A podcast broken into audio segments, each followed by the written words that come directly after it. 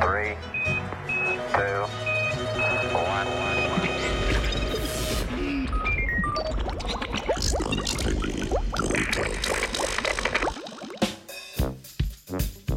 Bolje kričati kot bojevati.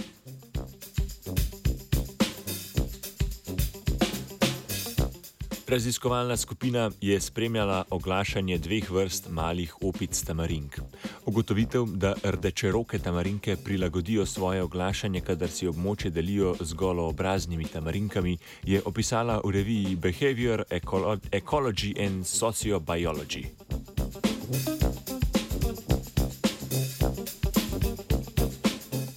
Tamarinke so kot veverice velike opice, ki izvirajo iz Južne Amerike. Vrsta rdečerokih tamarink je razširjena po osrednji Amazoniji, običajno pa si življenjskega prostora ne deli z goloobraznimi tamarinkami. Slednje najdemo le v oskem pasu okrog brazilskega mesta Manaus, uvrščene pa so tudi na rdeči seznam skrajno ogroženih vrst. Znano je, da populacije rdečerokih tamarink zasedajo območja goloobraznih tamarink. Na teh območjih sta vrsti kompetitorki, saj zasedata isto ekološko nišo in sta približno enake velikosti.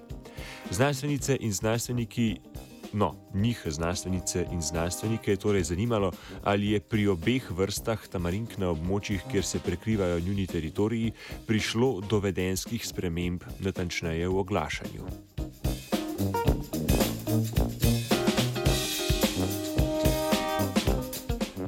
Znanstvena ekipa je devet mesecev spremljala skupine primatov na različnih mestih, kjer vrsti sobivata in kjer ne, ter v dveh tipih gozdov: primarnih oziroma prvotnih in sekundarnih. Primarni gozdovi so izključno pod vplivom naravnih dejavnikov, v sekundarne pa poseže tudi človek. S predvajanjem zvočnih posnetkov oglašanja so spremljali in beležili odziv tamarink. Po analizi pridobljenih zvočnih posnetkov so ugotovili, da imata tako rdečeroka kot goloobrazna tamarinka v primarnih gozdovih daljše krike, kar pripisujejo gostejšemu rastju v primarnih gozdovih. Dodatno prilagoditev v oglašanju pa so opazili pri rdečeroki tamarinki. Njeni kriki so daljši, hkrati pa so na frekvenčnem območju bliže krikom goloobraznih tamarink. Raziskovalke in raziskovalci predvidevajo, da je, od, da je do spremenjenega oglašanja pri rdečerokih tamarinkah prišlo zaradi tekmovanja med vrstama za naravne vire. Tako se namreč izognejo neposrednim spopadom s populacijo goloobraznih tamarink.